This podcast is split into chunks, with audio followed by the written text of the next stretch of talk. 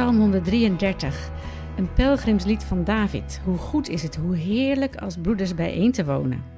Goed als olie op het hoofd die neervalt op de baard, de baard van Aaron, en neervalt op de hals van zijn gewaad. Als de dauw van de Hermon die neervalt op de bergen van Sion. Daar geeft de Heer zijn zegen. Leven voor altijd. Het is een kernachtige en bekende psalm over eenheid.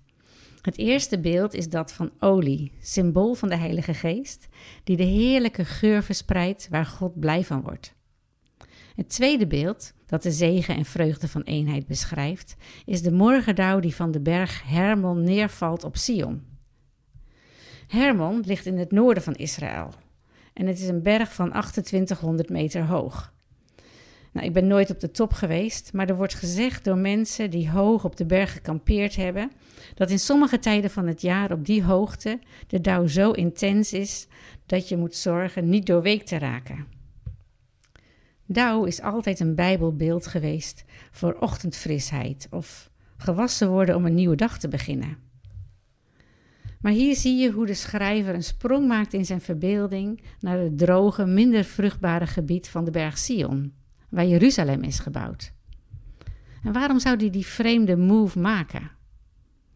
Het punt dat hij wil maken is volgens mij dat als er eenheid is, merkbare eenheid, dit uitreikt en effect heeft op degenen die geestelijk dor en droog zijn. Ook in Hosea komt zo'n mooi beeld voor over de dauw. Daar staat: Ik zal voor Israël zijn als de dauw. Het zal bloeien als een lelie wortelen als een ceder op de Libanon. Zijn jonge loten zullen uitlopen. Het zal een prachtige olijfboom zijn die pronkt en geurt als de ceders op de Libanon. Dus hoe meer eenheid er is in de gemeente, hoe meer die invloed van liefde, eenheid en vergeving merkbaar is in alles eromheen en tot bloei en groei en ja, goede geuren en, en blij leven leidt. Dus zowel het beeld van de olie als van de dauw zegt iets over de verrijkende en de verrijkende invloed van eenheid. Het maakt de weg van ons als pelgrims goed en plezierig. Ja, Heer, als wij dan stilstaan bij eenheid, dan realiseren we ons dat het vaak ver te zoeken is. Vergeef ons Vergeef ons die vreselijke geur van oneenigheid, van eigenbelang. Heer, u weet, het verlangen naar eenheid is groot.